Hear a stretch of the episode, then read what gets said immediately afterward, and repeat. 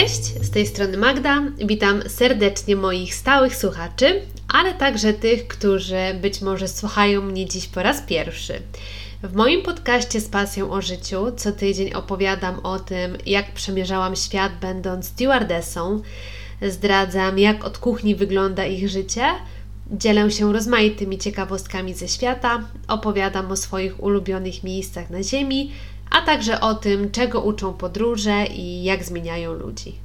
Dzisiejszy odcinek będzie kontynuacją odcinka z poprzedniego tygodnia, bo jednogłośnie zdecydowaliście o tym, że chętnie usłyszycie drugą część historii o dziwnych zachowaniach pasażerów na pokładzie samolotu. Zatem wychodząc naprzeciw Waszym prośbom, przychodzę dziś z drugim odcinkiem, w którym zagłębimy się bardziej w kulturę i religię Arabów, które na pewno w jakiś sposób definiowały ich dziwne zachowania. Opowiem Wam także o tym, czy islam jest naprawdę taką konserwatywną religią, czy może jednak muzułmanie lekko te zasady naginają. Porozmawiamy także o Hindusach, którzy są bardzo cwanymi, przebiegłymi i roszczeniowymi pasażerami, a także o Afrykańczykach, którzy upodobali sobie syczenie i gwizdanie na stewardesy oraz nazywanie ich białogłowymi. Zatem, jeżeli masz ochotę na trochę rozrywki, zapraszam serdecznie do wysłuchania piątego odcinka. Myślę, że większość moich koleżanek i kolegów z pracy w Emirates, którzy mnie słuchają, nie mogą się doczekać, aż powiem kilka słów na temat Hindusów, bo byli oni narodem, który delikatnie mówiąc wzbudzał najwięcej kontrowersji, e, najczęściej narzekał na jakość serwisu w samolocie i generalnie lubił skupiać na sobie bardzo dużo uwagi. Ja osobiście podzieliłabym Hindusów na trzy grupy.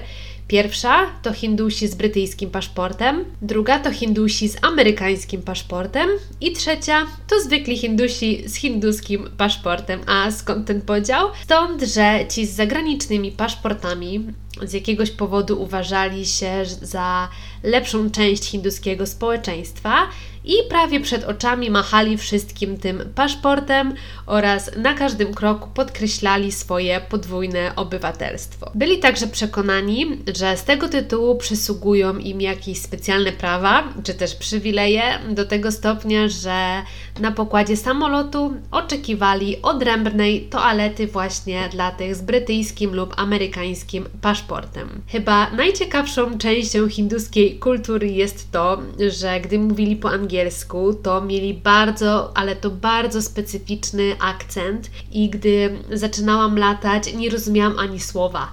Dla mnie ich jedno zdanie było ciągnącą się w nieskończoność paplaniną, gdzie nie mogłam wyłapać żadnych pojedynczych słów i do tego dochodziło ich bardzo słynne kiwanie głową na boki, które mogło wyrażać odpowiedź zarówno twierdzącą, jak i przeczącą.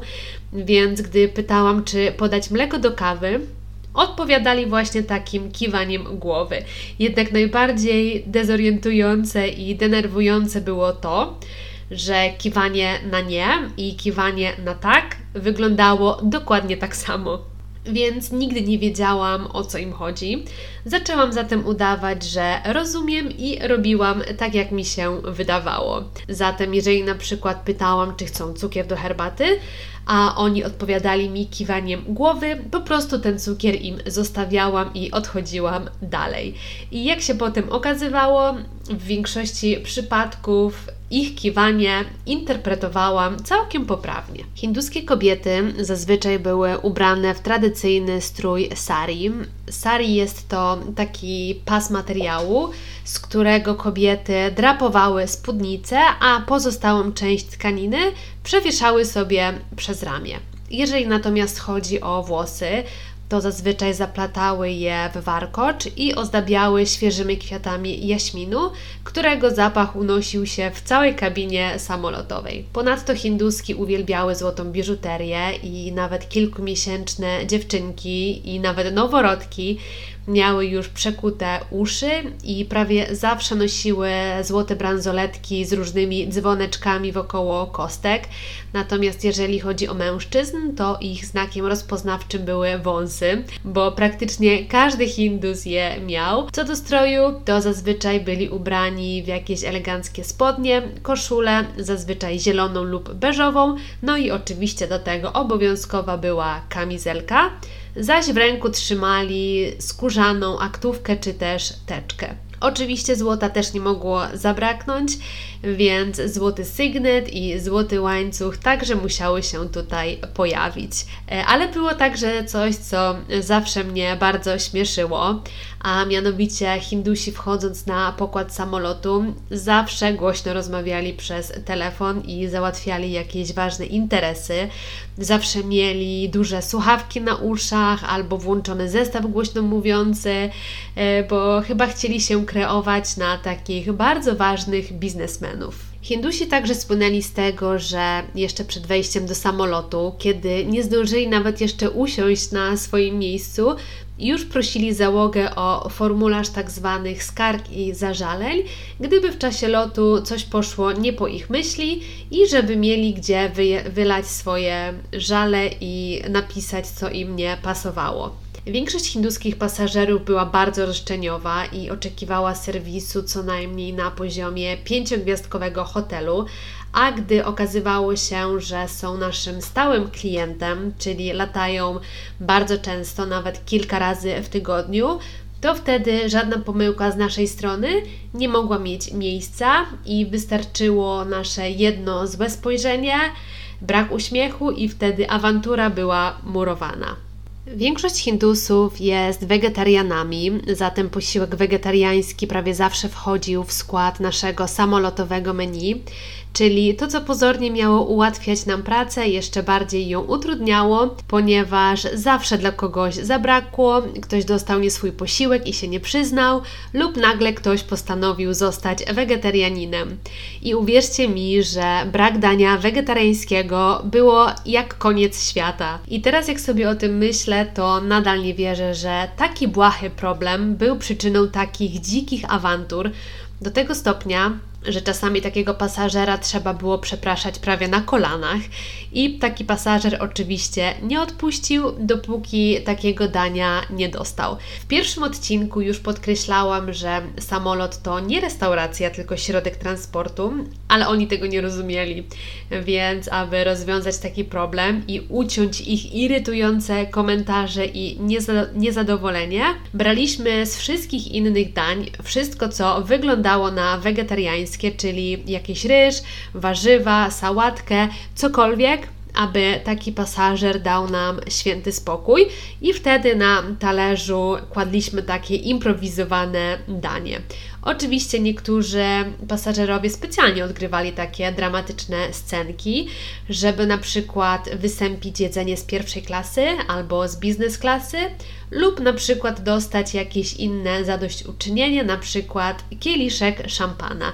Także sami widzicie, że niektórzy byli bardzo podstępni i cwani. Loty do Stanów Zjednoczonych i Wielkiej Brytanii, głównie do Londynu, były pełne Hindusów. Gdy po raz pierwszy robiłam lot do Stanów, nie mogłam pojąć, że wśród pasażerów nie ma żadnego Amerykanina. I loty do Stanów były jednymi z najcięższych i nikt nie chciał ich robić. O ile destynacje były super, bo naprawdę uwielbiałam San Francisco czy Los Angeles, ale wizja 15-godzinnego lotu z tak wymagającymi pasażerami skutecznie mnie odstraszała.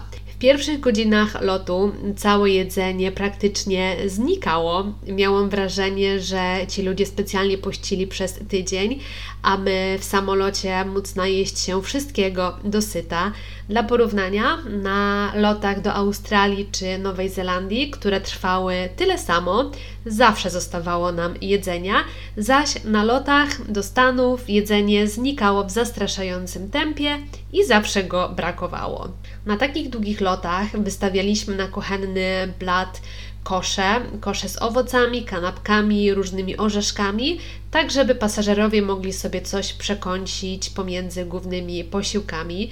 I bardzo często zdarzało się tak, że jakaś starsza pani hinduska podchodziła ze swoją torbą, do której zgarniała całą zawartość takiego kosza, no i wtedy trzeba było jej delikatnie i grzecznie wytłumaczyć, że lot jest bardzo długi i przekąsek musi wystarczyć dla wszystkich. Oczywiście, wiecie, nie wszyscy byli tacy straszni i roszczeniowi, bo zdarzali się też przemili i prześmieszni Hindusi, ale akurat ta narodowość cieszyła się szczególną opinią wśród całej załogi. Na wielu lotach byłam także świadkiem cudownych ozdrowień.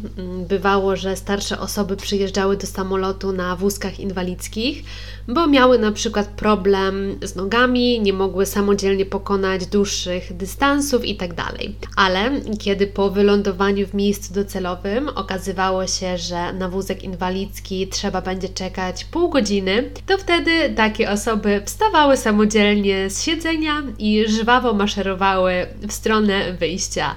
Także widzicie, że niektórzy pasażerowie to naprawdę bardzo przebiegłe istoty. Dla tych z Was, którzy może nie wiedzą, przypomnę, że linia Emirates jest arabską linią lotniczą, a jak wiadomo, dominującą religią w tym regionie jest oczywiście islam. I jednym z filarów islamu jest modlitwa, którą wierzący muszą odbyć aż pięć razy dziennie. Ale co jeśli na przykład czas modlitwy wypada akurat w samolocie? No właśnie wtedy taki pasażer pod drzwiami rozkłada sobie koc, klęka i właśnie tam się modli. I co ważne, każdej takiej modlitwie towarzyszy jakaś określona liczba pokłonów. I kiedy ja po raz pierwszy zobaczyłam takiego Araba, mówiącego coś do siebie pod nosem i kłaniającego się na kolanach, to się przeraziłam i nie wiedziałam absolutnie o co chodzi, ale oczywiście z czasem, jak to zwykle bywa, przeszłam nad tym do porządku dziennego i w ogóle mnie to nie obchodziło. Co ciekawe, modlitwę Arabowie muszą odbywać twarzą zwróconą do Mekki, czyli jednego z ważniejszych ośrodków islamu, ale kiedy na przykład lecimy gdzieś nad oceanem między Europą a Ameryką i na przykład taki pasażer zapyta się, w którą stronę ma się modlić, to co wtedy? W takich sytuacjach dzwoni się do kokpitu, do kapitana, który mniej więcej wyjaśnia, gdzie jest Mekka, i wtedy taki pasażer może już bez problemu wykonać swoją modlitwę. Oczywiście nie wszyscy przestrzegają dość rygorystycznych zasad islamu, o czym wielokrotnie przekonywałam się na pokładzie samolotu. Nieraz zdarzyła mi się taka sytuacja, że jakaś młoda Arabka poprosiła o lampkę wina czy jakiegoś drinka, mrugając przy tym do mnie okiem.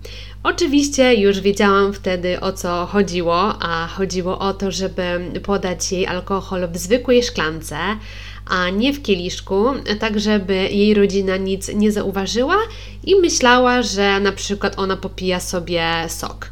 Oczywiście, zgodnie z religią, Arabki muszą się zakrywać i zazwyczaj zakładają abaję, czyli taki płaszcz, taką szatę, która zakrywa je od stóp do głów. Niektóre nosiły do tego nawet czarne rękawiczki lub też specjalną chustę zasłaniającą oczy, tak że nawet milimetr gołej skóry nie był widoczny. I takie starsze Arabki już w dość podeszłym wieku mm, czasami nosiły na oczach taką złotą maskę, coś podobne do takich masek, jakie widzimy na karnawale w Wenecji. E, także naprawdę naoglądałam się różnych dziwnych, kulturowych cudów. E, jednak szybko zorientowałam się, że w przypadku niektórych kobiet Abaja jest jedynie tymczasową przykrywką, bo pamiętam jak leciałam kiedyś do Mediolanu i wtedy podczas startu moją uwagę przykuła zakryta od stóp do głów młoda Arabka, która akurat wtedy siedziała naprzeciwko mnie. Była piękną kobietą, co zdradzały jej duże oczy, będące jedyną widoczną częścią ciała. I kiedy na czas lądowania wróciłam na swoje miejsce, to tej kobiety już nie było. Więc pomyślałam sobie, że pewnie gdzieś się przesiadła. I zamiast niej siedziała jakaś młoda dziewczyna ubrana w super modny beżowy dres, markowe tenisówki i gołym okiem było widać, że znała się na trendach i absolutnie nie szczędziła pieniędzy na ciuchy. Ale zaczęłam się zastanawiać, bo coś mi nie pasowało, i wtedy zatrzymałam na chwilę wzrok na jej oczach I wtedy dotarło do mnie, że to dokładnie ta sama kobieta, która przed lądowaniem poszła do toalety i przebrała się w swoje tak zwane cywilne ciuchy. Także sami widzicie, że z przestrzeganiem zasad tej niby konserwatywnej religii bywało różnie. Skoro jesteśmy już przy temacie religii, to muszę Wam wspomnieć także o tym, że kolejny z filarów islamu mówi, że każdy muzułmanin powinien raz w życiu odbyć pielgrzymkę do Mekki, czyli tak zwany hajj. Pasażerowie lecący do Arabii Saudyjskiej, bo tam właśnie znajdowała się Mekka, byli zazwyczaj pielgrzymami z całego świata, którzy pewnie przez całe życie oszczędzali na ten cel. Na takich lotach średnia wieku była bardzo wysoka, przeważali ludzie w podeszłym wieku.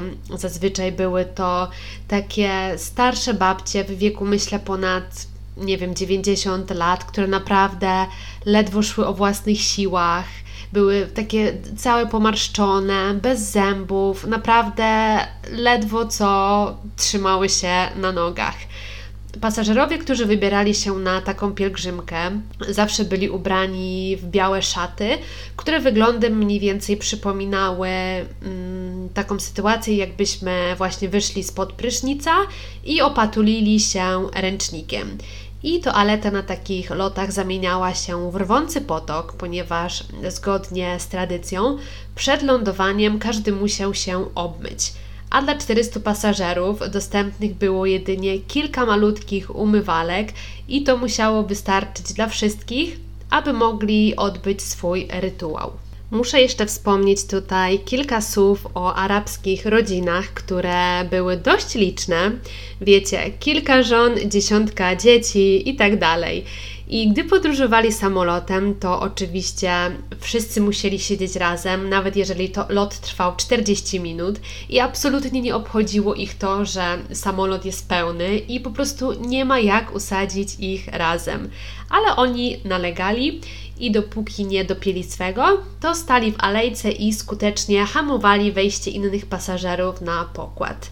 Bardzo lubili także zostawiać swoje podręczne walizki na środku przejścia i czekali, aż te magicznie same powędrują do schowka nad głową a wynikało to z tego, że zazwyczaj w domu mieli cały sztab służących, które wszystko robiły za nich i wchodząc na pokład samolotu oczekiwali dokładnie tego samego od załogi. Na całe szczęście mieliśmy zakaz dźwigania cudzych toreb w trosce o nasze plecy, więc czy takim osobom się podobało czy nie, musieli swój bagaż samodzielnie umieścić w schowku. Co ciekawe, takie duże rodziny często podróżowały z kilkoma opiekunkami do dzieci i bardzo często bywało tak, że rodzice lecieli sobie wygodnie w biznes klasie, a taka niania z kilkorgiem dzieci była ściśnięta w klasie ekonomicznej.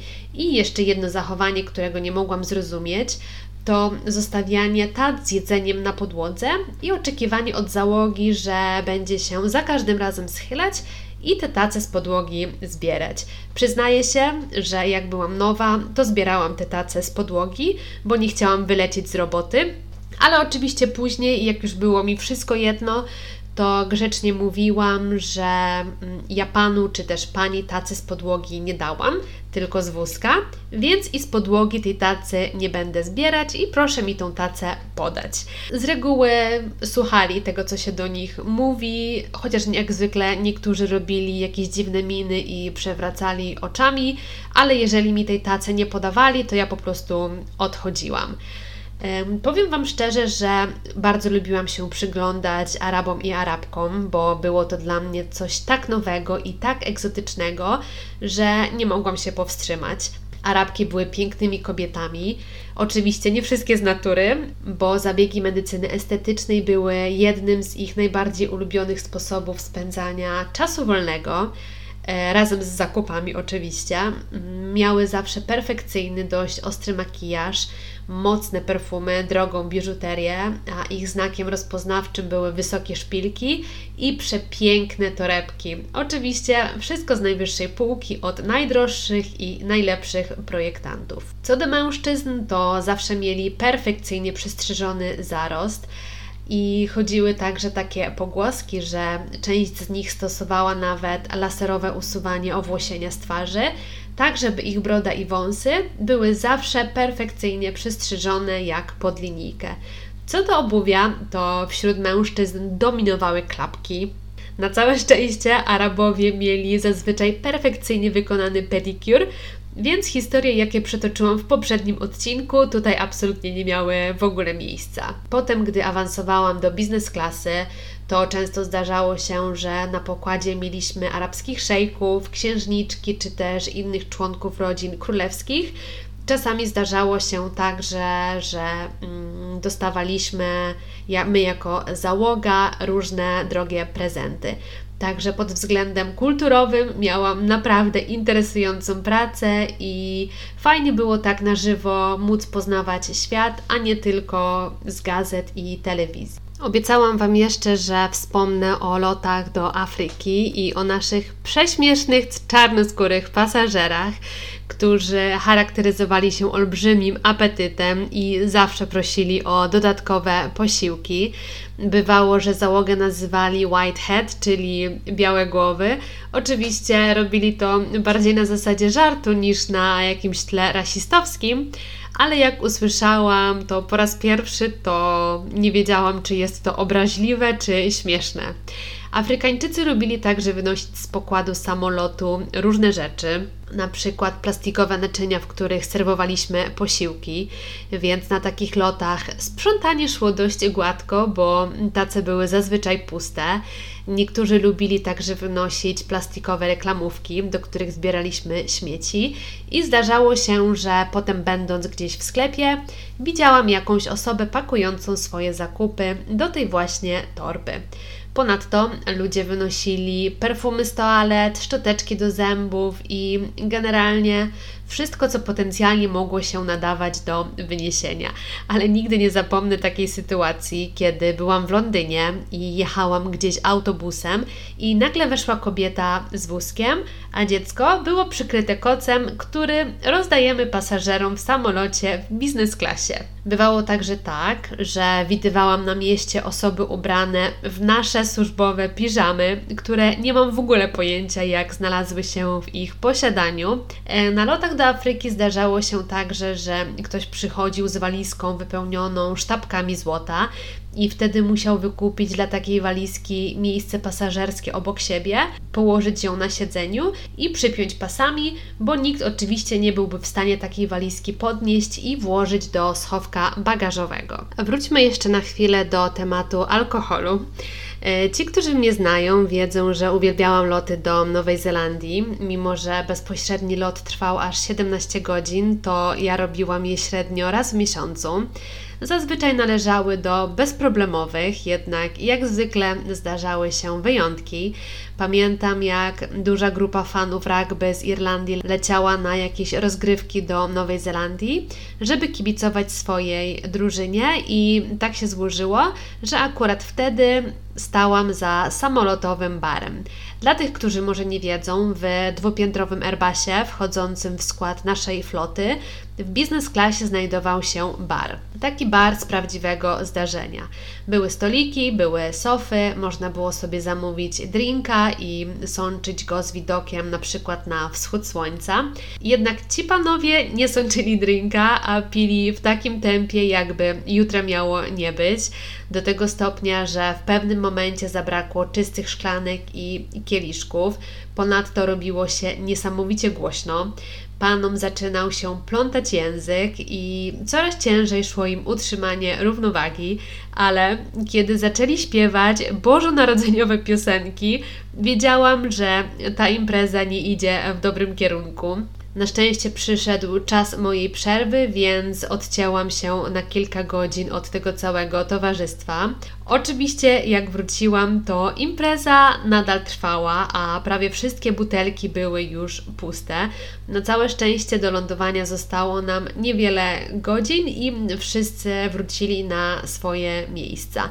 Niestety, najmłodszy uczestnik tej imprezy porządnie się struł alkoholem i przez sen zwymiotował na siebie. Także pamiętajcie, że w samolocie alkohol uderza do głowy dwa razy bardziej. Po wylądowaniu byłam najszczęśliwszą osobą na świecie i cieszyłam się, że nigdy więcej już nie zobaczę tych ludzi, ale wyobraźcie sobie moje zdziwienie, kiedy zeszłam rano w hotelu na śniadanie a przy stoliku obok siedziała cała gromada moich szanownych pasażerów. Na całe szczęście jesteśmy absolutnie nie do rozpoznania bez munduru w normalnych ubraniach, więc nie rozpoznali mnie i ja również na nich nie patrzyłam i udawałam, że ich nie znam. W ogóle nowozelandzkie loty były bardzo specyficzne, bo na przykład czasami na pokładzie przewoziliśmy rugbystów z drużyny All Blacks i jest to najlepsza na świecie drużyna rugby, więc na takich lotach wszystkie dziewczyny były w siódmym niebie, a najlepszym momentem takiego lotu był czas, kiedy wszyscy zawodnicy przebierali się w sportowe koszulki i nie robili tego w toalecie, a w kabinie samolotowej, więc możecie sobie wyobrazić, że cała część żeńskiej załogi wychodziła wtedy do kabiny, żeby posprzątać, a jak nie było nic do sprzątania, to po prostu dziewczyny wynajdowały sobie coś innego do roboty. I nawet teraz, gdy Wam o tym opowiadam, to nadal mam przed oczami te wyrzeźbione ciała, zwłaszcza tych postawnych zawodników z maoryskimi korzeniami. Także oprócz tych wszystkich absurdalnych zachowań, dziwacznych historii, zdarzały się też bardzo miłe i fajne momenty, które z uśmiechem na twarzy wspominam do dziś. Pewnie wielu z Was zadaje sobie teraz pytanie, jak ja w ogóle wytrzymałam 6 lat, stykając się dzień w dzień z tak różnymi osobliwościami. Odpowiedź jest prosta. Po prostu nauczyłam się, jak należy kogo traktować i jak należy się zachowywać w stosunku do określonego typu pasażerów. Wiedziałam, że oni uwielbiają czasami wyładowywać na załodze swoje frustracje, na przykład za to, że pani przy odprawie nie dała im miejsca przy oknie, albo że wstali lewą nogą, albo że nie zdążyli się napić rano kawy. Wystarczyło tylko odpowiednio takiego pasażera wyczuć i przywdziać odpowiednią maskę, także tutaj zdolności aktorskie były mile widziane. Jednak istniała taka zasada mówiąca kill them with kindness, czyli zabij ich swoim uśmiechem i uprzejmością i to działało prawie zawsze. Wystarczyło na każdą potencjalnie problematyczną sytuację ubezpieczyć się w najszczerszy uśmiech z możliwych, trochę pobajerować, poprawić komplementów i zazwyczaj wszystko dało się jakoś załagodzić. Oczywiście największą zaletą takiego rozwiązania było to, że owszem, na mojej twarzy widniał automatyczny uśmiech, czasem wymuszony, czasem nieszczery, ale to, co mówiłam sobie do siebie w myślach, wiedziałam tylko ja, więc mogłam sobie używać całego wachlarza niecenzuralnych słów, jeżeli zachodziła taka potrzeba. I taki pasażer widział tylko mój uśmiech, ale nie miał absolutnie pojęcia, co ja sobie na jego temat w mojej głowie myślę. Powoli zbliżamy się już do końca odcinka, ale zastanawiałam się jeszcze nad tymi wszystkimi sytuacjami awaryjnymi, jakie zdarzyły się podczas mojej kariery lotniczej. A ci z Was, którzy słuchali już poprzedniego odcinka, wiedzą, że prawie nic takiego nie miało miejsca. Jednak przypomniałam sobie, że jak już zrezygnowałam z pracy i wracałam do Warszawy przez Frankfurt, to nagle w środku lotu usłyszeliśmy komunikat kapitana, a wiedziałam z doświadczenia, że jeżeli odzywa się sam kapitan, to nie wróży nic dobrego i w tamtym momencie serce aż zabiło mi mocniej. Okazało się, że nie możemy wylądować we Frankfurcie, ponieważ na tamtejszym lotnisku znaleziono niewypał z II wojny światowej i lotnisko jest zamknięte, a co za tym idzie, musimy awaryjnie wylądować na lotnisku w Monachium, gdzie będziemy czekać do momentu, kiedy lotnisko we Frankfurcie zostanie ponownie otwarte. Na całe szczęście były to chyba tylko dwie godziny, więc nie dość, że miałam wystarczająco dużo stresów związanych z powrotem, to jeszcze na sam koniec mojej kariery kariery lotniczej spotkała mnie taka niespodzianka. E, możecie się pewnie zastanawiać nad tym, jak kapitan daje znać załodze, że coś się dzieje, że jest jakiś problem, tak żeby nie siać paniki wśród pasażerów. Otóż najpierw kapitan wzywa do kokpitu szefa pokładu, używając specjalnego powiedzmy hasła, takiej utartej frazy, którą znają tylko członkowie załogi, więc jak ją słyszą, to mogą się domyślać, że coś może się dziać. I gdy kapitan już poinformuje szefa pokładu o tym, jaki jest problem i jakie są planowane działania, wtedy załoga zostaje poinformowana o wszystkim przez telefon pokładowy i zaczyna przygotowywać samolot do lądowania awaryjnego. Każdy członek załogi jest odpowiedzialny za przygotowanie konkretnej sekcji samolotu i jest także odpowiedzialny za zabranie przynależącego do tej sekcji sprzętu ratunkowego, a gdy wykona swoje obowiązki, to wtedy pomaga innym koleżankom i kolegom, a następnie wszyscy razem czekają na dalsze instrukcje od kapitana. Także to by było na tyle, ale jeżeli czujecie niedosyt, to zapraszam do poprzedniego odcinka. Oczywiście, jeżeli jeszcze nie mieliście okazji go posłuchać, w którym czeka na Was więcej takich niestworzonych historii. Na kolejny poniedziałek szykuję dla Was małą niespodziankę, którą będzie specjalne świąteczne wydanie odcinka. Ponadto, jeżeli tak jak ja jesteście spragnieni podróży i chcielibyście zobaczyć, jak w okresie świątecznym wyglądają różne miasta na całym świecie, to już od jutra zapraszam na mój Instagram z pasją o życiu podkreślnik podcast, gdzie codziennie przez cały tydzień będę zabierać Was w różne zakątki świata i mam nadzieję, że dzięki temu poczujecie prawdziwy klimat świąt, a Wasza tęsknota za podróżami, choć częściowo, zostanie zaspokojona. Dajcie koniecznie znać, czy dowiedzieliście się czegoś nowego z dzisiejszego odcinka, czy może coś Was zaskoczyło lub zszokowało. Jeżeli słuchacie mnie na Spotify, to będzie mi niezmiernie miło, gdy dodacie mój podcast do ulubionych, a jeżeli na iTunes, to możecie wystawić tam swoją opinię i przyznać mojemu programowi wybraną ilość gwiazdek. Przypominam, że podcast publikowany jest w każdy poniedziałek o godzinie 8 rano, a wszystkie odcinki możecie pobrać na iTunes, Spotify, na mojej stronie www.spasjonożyciu.pl, a także na YouTube. Zachęcam Was do subskrypcji i dzielenia się swoimi opiniami w komentarzach. To już wszystko na dziś.